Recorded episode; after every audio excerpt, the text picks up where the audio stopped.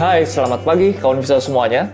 Kembali lagi di Trading Ideas untuk 10 Januari 2024 bersama saya Chris dari tim riset investasiku.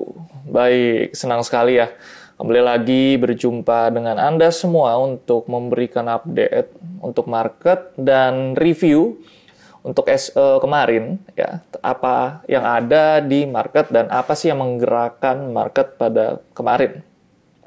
Dan jangan lupa untuk stay sampai selesai karena akan ada sesi tanya jawab nanti akan topik menarik untuk kita bisa lihat ya di hari ini dan masuk ke dalam watchlist trading kita. Baik, tanpa perlu basa-basi lagi ya, kita masuk ke indeks Amerika atau global terlebih dahulu ya. Anda bisa lihat di sini untuk penutupannya cukup variatif tetapi memang mayoritas ditutup negatif. Ya, tetapi kalau kita mengacu kepada indeks Amerika di sini ya untuk Nasdaq ini masih menjadi primadona sendiri karena menguat sekitar 0,09 persen atau naik 13,9 poin. Untuk Dow Jones dan S&P ini memang tertekan ya karena mungkin masih adanya aksi profit taking dan wait and see nih dari data inflasi ya yang akan rilis pada pekan ini di Amerika Serikat. Dan untuk beberapa indeks yang ada di Asia, ini juga cukup tertekan ya. Melihat memang untuk indeks Amerikanya masih wait and see terlebih dahulu. Jadi untuk indeks global atau indeks di Asia maupun di Eropa juga ikut tertekan ya. Tetapi kalau kita melihat ya secara keseluruhan ya untuk penurunan ini adalah koreksi yang wajar ya atau koreksi yang sehat. Jadi ini bukan merupakan koreksi yang kalau kita melihat IHSG oh, turunnya 1 sampai 2% kita bisa katakan ini crash ya. Ini bukan crash ya. Jadi eh, normal jika di pasar saham itu ada aksi profit taking. Oke. Lalu untuk dari Wall Street sendiri ya di sini kita lihat untuk survei ya kalau misalkan kawan Visto mengikuti untuk Fed Watch Tool ya ini menunjukkan adanya kita lihat uh, peluang untuk di mana Amerika Serikat ini menurunkan suku bunga ya memangkas sekitar 25 basis points banyak tiga kali ya yang akan mungkin dilaksanakan pada bulan Maret ya. Kita lihat juga ya data inflasinya atau data tenaga kerja dan aktivitas manufakturnya seperti apa atau kita bisa juga mengacu kepada nanti komoditas yang ada. Ya, jadi memang untuk uh, bulan Maret ya di sini untuk surveinya ya penurunan suku bunga di bulan Maret surveinya itu peluangnya 65,7 persen ya. Jadi memang turun dari minggu lalu ya yang dari sebelumnya 79 persen. Karena mungkin ini uh, terkait perkembangan data makro dari Amerika Serikat. Jadi memang kita harus tetap melihat ya targetnya memang masih uh, dibilang jauh sekali tidak, tetapi dikatakan sudah mencapai atau mendekati juga masih tidak ya. Jadi masih tengah-tengah atau moderat. Seperti itu. Lalu di sini ada juga ya eh, komentar dari Fed Atlanta ya, Bostik ya. Jadi beliau memang lebih menekankan kepada pengetatan supaya investor ini tidak terlalu euforia ya dengan adanya kenaikan atau efek daripada Santa Claus Rally di mana memang di sini ya uh, untuk Fed sendiri memang masih ada beberapa uh, pejabatnya yang memang berpandangan hawkish. Tetapi di sisi lain, di sini untuk Michelle Bowman, ya salah satu gubernur daripada Fed juga, ini mundur dari pandangannya yang hawkish. Nah, beliau mengatakan bahwa penurunan suku bunga ini akan dilaksanakan ya seiring dengan meredanya inflasi.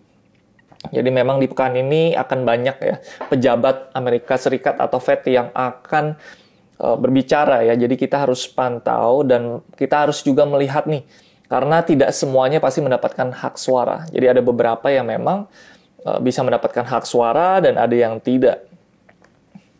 Ya. Jadi uh, kalau mungkin kawan Visto pantaunya data aja ya, data inflasi seperti apa karena sekali lagi mau opini dari pejabat seperti apa, tetapi kalau datanya memungkinkan untuk pemotongan suku bunga pasti akan dilakukan ya. Jadi kita tidak perlu khawatir. Lalu kita lihat untuk uh, data ya yang akan rilis di hari ini. Ya, ada retail sales dari Indonesia untuk kalender ekonomi. Ya ini diperkirakan akan menggerakkan pasar juga. Lalu ada new yuan loans ya atau pinjaman dari China. Ini juga penting untuk kita perhatikan. Dan juga ada perubahan stok daripada di sini um, bensin ya. Jadi uh, permintaan dan penawaran terkait minyak ini kita bisa perhatikan untuk data Amerika yang akan keluar di hari ini. Lalu di sini komoditas ada beberapa yang harus kita highlight di sini untuk minyak ya. Di sini ada kenaikan ya pada Selasa ya karena ada pertimbangan dari ketegangan di Timur Tengah dan juga peningkatan pasokan OPEC. Ya, jadi ketegangan geopolitik di Timur, Timur Tengah dan di sini ada penghentian pasokan di Libya ya. Ini memberikan uh, dukungan terhadap harga minyak. Ya. Jadi memang meningkat karena ada penghentian pasokan di Libya. Dan juga kalau kita lihat untuk beberapa perusahaan uh, pelayaran ya yang ini masih menghindari laut merah.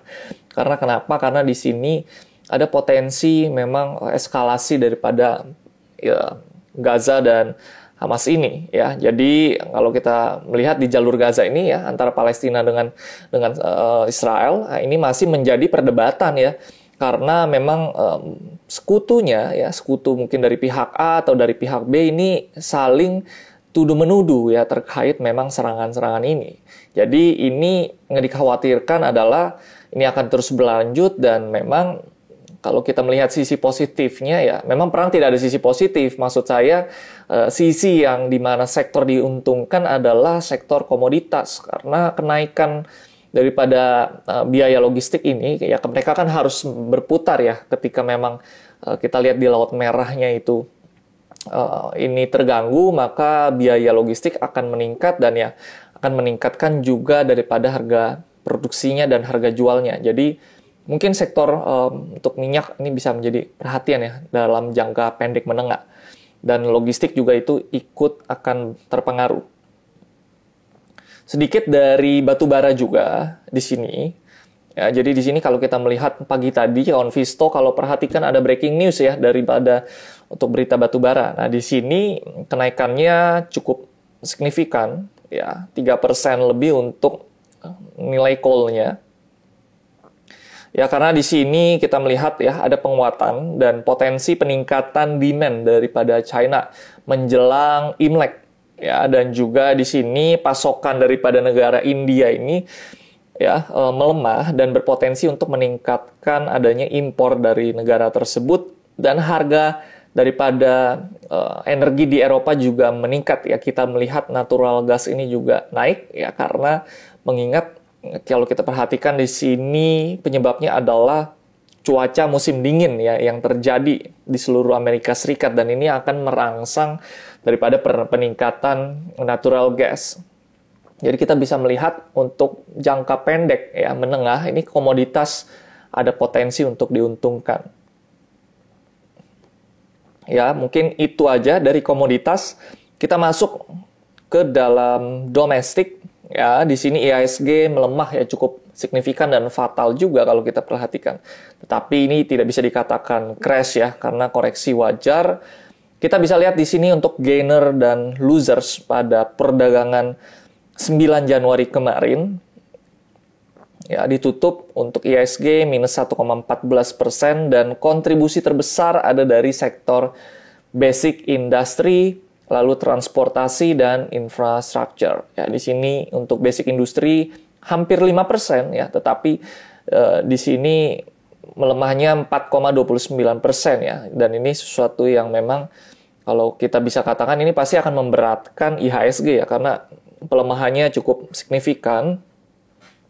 Dan di sini yang bisa menjadi highlight adalah top gainernya dari sektor cyclical mengingat kalau kita melihat secara data yang keluar, indeks keyakinan konsumennya meningkat, sehingga ini akan menjadi keuntungan bagi sektor retail. Jadi Anda bisa pantau sektor retail yang nanti akan saya beritahukan untuk watchlistnya apa, jadi stay sampai selesai, pastikan.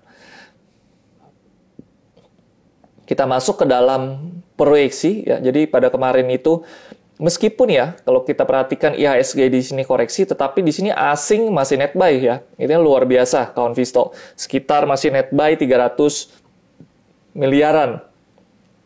Jadi perlu kita cermati nih sebenarnya asing ini masuknya ke mana ya? Nah, kita bisa pantau ya bagi Anda investor jangka panjang, Anda juga bisa ikut akumulasi nih. Oke. Okay? Proyeksi IHSG karena kita juga melakukan pendekatan dengan technical, di sini kita melihat secara momentum, kita menggunakan indikator stokastik ya yang memang populer digunakan di sini uh, masih mengarah ya uh, ke area oversold yang artinya momentum pelemahan ada potensi untuk terjadi. Jadi support terdekat yang akan diuji ada di 7190 lalu support keduanya 7150.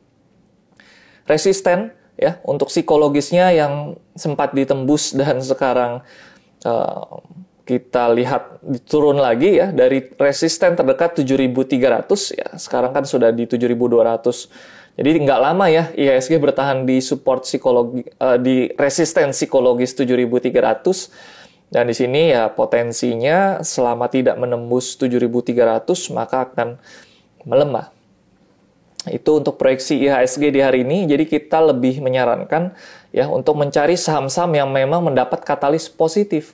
Ya, seperti indeks kepercayaan konsumen ya di sini sektor retail bisa diuntungkan ya.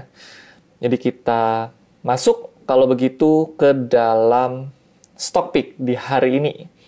Dan stock pick ini adalah disclaimer on, jadi segala keuntungan dan kerugian yang kawan Visto alami ketika mengikuti rekomendasi hari ini itu menjadi tanggung jawab kawan Visto seluruhnya atau seutuhnya.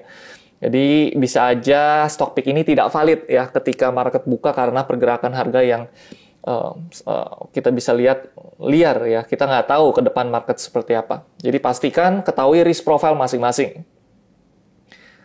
Kita lihat di sini untuk Asus ya stock pick yang pertama ada potensi Asus ini untuk melanjutkan kenaikan karena sudah melakukan breakout ya dari area minor resisten ya. Kita bisa katakan minor karena ini bukan resisten yang terlalu uh, besar ya. Di sini oh, kita lihat ya kenaikan volumenya juga ya tidak terlalu signifikan tetapi cukup oke okay untuk mendukung kenaikannya kembali. Untuk Asus kita rekomendasikan buy untuk entry level 745 sampai 765. Take profit di area 780 dengan stop loss di area 720. Kita lihat di MAPI. Ya, MAPI ini ada potensi harga untuk melanjutkan kenaikan. Ya, meskipun secara momentumnya memang masih ke area oversold, ya, tetapi ini bisa aja ketika hari ini naik, ya, untuk momentum indikatornya ini bisa aja langsung bersilangan ya. Jadi uh, ini bisa mengikuti harga ya. Jadi ya agak bias juga kalau kita melihat. Ya, tapi ini menjadi tolak ukur ya karena secara indikator MACD ya di sini masih bergerak di area positif. Ya, jadi ini ada momentum untuk naikkan kembali. Ya, jadi untuk MAPI ini kita berikan rekomendasi di entry level 1825 sampai 1855 Take profit 1905 sampai 1915 dan stop loss di 1775. Kita beralih ke jasa marga di mana ini menguntungkan ya dari momentum Natal dan Tahun Baru di mana peningkatan laba bersihnya kalau Anda perhatikan ya kuartal 3 tahun lalu ini sudah mulai meningkat ya. Anda lihat di sini Jasa Marga kita menggunakan coba bantuan Bollinger Band dan terbukti sudah ada penguatan dari support lower Bollinger Band dan kenaikan volume yang cukup oke okay, sehingga kami rekomendasikan Jasa Marga dengan entry level 4.740 sampai 4.790 take profit di area 4.870 sampai 4.900 Stop loss di 4670. Kita lihat Telkom ya. Telkom di sini saya coba aktifkan untuk moving average jangka pendeknya. Dan secara kita lihat di sini MA5-nya, dia sudah ditembus ke atas ya. Setelah sebelumnya dia menguat dari area support. Secara keseluruhan masih sideways, tetapi di sini ada penguatan dari area support dan kenaikan di atas MA5, sehingga ada potensi penguatan lanjutan dengan rekomendasi buy di area 3940 sampai 3960 take profit 4030 sampai 4050 dengan stop loss 3870 itu untuk Telkom dan ini kita mengambil untuk dari sektor teknologinya ya di mana memang di sini Nasdaq menguat dan diharapkan ya di sini ada potensi juga untuk kenaikan daripada saham untuk perbankan digital juga. Nah, di sini ada kenaikan volume yang cukup oke okay, ya kalau kita melihat volumenya di sini. Uh, di sini ada 100 hampir 120 juta lembar. Jadi memang diharapkan ketika di sini ada volume tinggi hari ini akan ada ledakan harga. Dan BBYB sedang membentuk pola continuation yang dinamakan bullish penan jadi uh, bullish penan ini dia ada tiga gerakan ya. Satu ya ke atas satu dua tiga. Ya sorry dari sini satu dua tiga. Baru ketika dia breakout kita bisa rekomendasi untuk buy on breakout. Sehingga BBB ini kita coba untuk uh, kasih eh, rekomendasi dengan entry level 462 sampai 470 take profit 486 sampai 490 stop loss 448 Baik, tadi adalah 5 topik di hari ini. Ya diharapkan bijak bisa mengambil keputusan sesuai profil risk masing-masing. Oke, sekarang kita saatnya masuk untuk sesi tanya jawab. Jadi bagi kawan Visto yang ingin bertanya silakan drop di kolom komentar nanti saya akan bantu analisa real time pada chart. Baik, kita masuk ke saham Pertama, untuk pertanyaan, ada dari AMMN. Oke, okay. Aman Mineral, ya. Sebenarnya ini sempat kami ingin memberikan rekomendasi, tetapi memang kalau lihat pergerakannya ini masih di dalam fase konsolidasi atau fase sideways.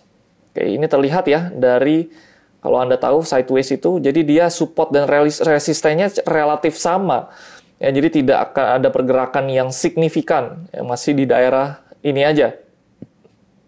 Resisten terdekat ya untuk penguatan aman ada di 6.850 ya selama aman ini mampu mempertahankan 6.150.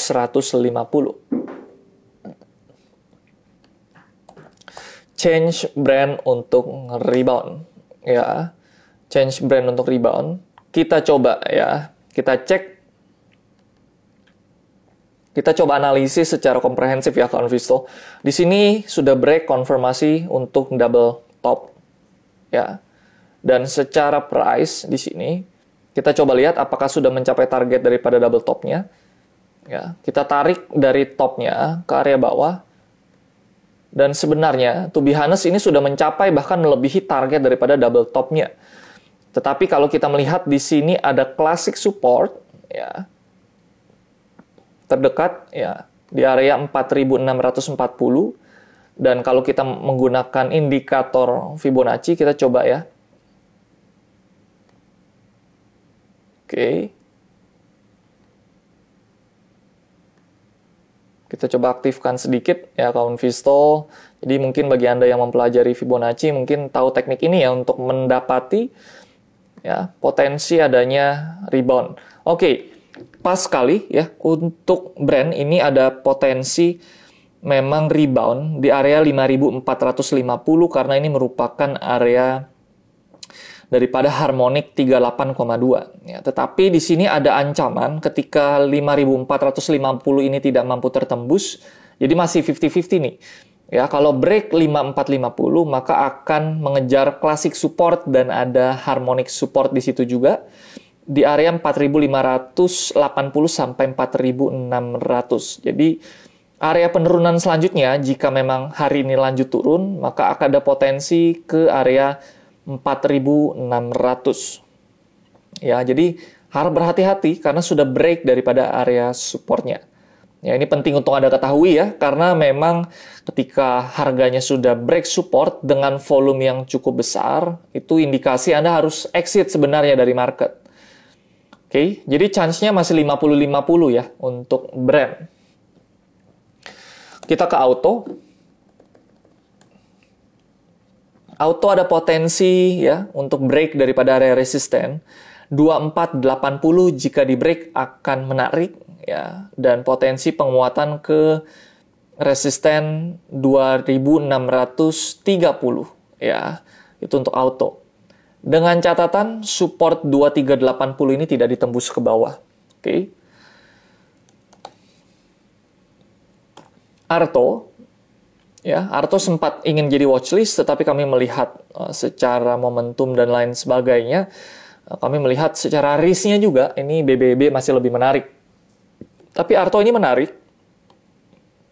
Kalau Anda mau buy, ya sebenarnya bisa buy now ya. Tetapi di sini pertimbangkan ya, eh, stop loss-nya ketat ya di 3020 kalau Anda mau buy. Ya, buy now, oke. Okay. Dengan resisten di 3330. Ya, ini disclaimer on sekali lagi, ini bisa tidak valid ketika area supportnya sudah tertembus. Di mana area supportnya ada di 3020. Kita ke BBTN.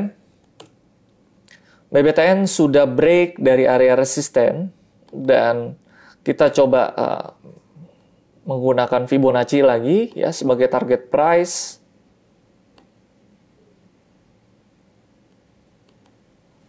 Oke. Ya, di sini kita aktifkan untuk harmonic resisten ya. Di sini targetnya untuk jangka ya kalau kita bisa katakan ini kenaikannya jangka pendek ya, ini bisa ke 3000 1370. Ya, di situ ada harmonic resisten dan classic resisten. Ya, kalau Anda mau buy, spekulatif ya buy now. Stop loss-nya di bawah 1305. Ya, targetnya 1370. Oke, itu untuk BBTN, tetapi buy on record seperti ini agak riskan di tengah IHSG yang semakin ya kalau kita lihat mungkin dalam jangka pendek masih akan terkoreksi. Oke. Okay. Oke, GZCO ada saya akan cepat karena banyak pertanyaan yang harus saya jawab. Ya, resisten GZCO di 130 dengan potensi pelemahan 108 ya, momentumnya masih melemah. Edges sudah kami bahas. Oke. MTEK MTEK posisi di 700. Oke, 700 berarti di area Oke, cukup tinggi ya kawan Visto, di area cukup resisten. Penurunannya ini juga sudah lumayan dalam. Oke. Ya. Sudah 20% kawan Visto. Nah, ini sekedar informasi ketika Anda saham turun di atas 10%, Anda lebih baik pertimbangkan cut loss karena ketika Anda uh, melihat saham turun 10%, Anda harus BEP dengan kenaikan 11%. Begitu seterusnya ya. Jadi semakin besar kerugian Anda, Anda harus BEP atau balik modal dengan gain yang lebih besar daripada harga uh, kerugian Anda. Jadi Anda bisa sebenarnya pertimbangan untuk uh, cut loss ya uh, untuk MTEK ya. Ini uh, dengan berat hati saya harus bicara seperti itu karena secara price ini akan ada potensi pelemahan ke 540. Kalaupun menguat ya eh, minimal ke 600, tetapi kalau masih di bawah 600 ini tidak akan bisa kembali dengan cepat ke harga beli Anda di 700. Jadi hati-hati ya, bisa pertimbangkan untuk cut loss ya, disclaimer on, keputusan ada di tangan Anda. BRMS ya, potensinya masih ada pelemahan ke area support 100 170 ya dengan resisten di 178. HMSP potensi melemah ke 860 ya dengan resisten di area 890.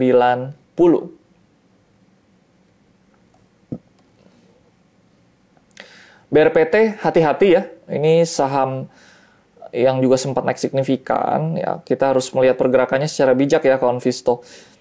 Di sini potensi ke area 1000 untuk klasik supportnya ya dengan klasik resisten 1280. Selama tidak mampu menembus 1280 maka akan ada potensi ke 1000. Oke. Okay. MDKA ya harganya di sini hati-hati ya. Kalau saya melihat di sini ada pembentukan seperti rising wedge ya. Ini pola bearish continuation. Jadi harap berhati-hati ya. Di sini ketika break ya, di sini breaknya 2430 ya. Ketika dia break mungkin kita bulatkan ke support psikologis 2400. Jika dia break dia valid membentuk rising wedge. Anda bisa searching ya kawan Visto, rising wedge itu adalah pola daripada penurunan atau bearish. Jadi kalau tembus 2400 psikologis ya ini potensinya bisa ke area uh, cukup dalam ya 2200 bahkan bisa sampai area 2100. Kita beralih ke GJTL.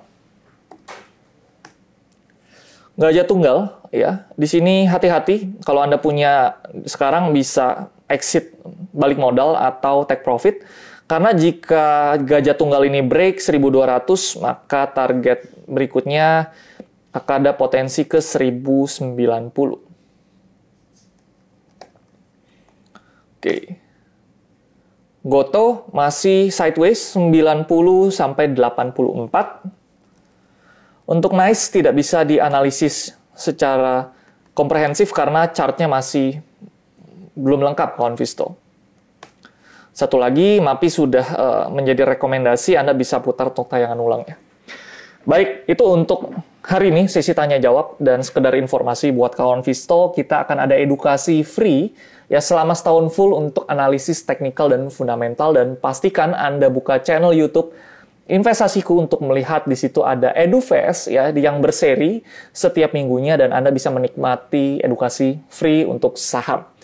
Dan Jangan lupa hari ini akan ada live Instagram dengan saham daily ya. Jadi pastikan Anda mendapatkan outlook market dari live Instagram tersebut dan ikuti sampai selesai karena akan ada sesi tanya jawab juga jam setengah delapan hari ini. Baik, itu aja untuk informasi hari ini. Terima kasih atas kehadirannya di Trading Ideas pagi ini. Saya Chris pamit undur diri dari tim riset investasiku. Investasiku for better tomorrow.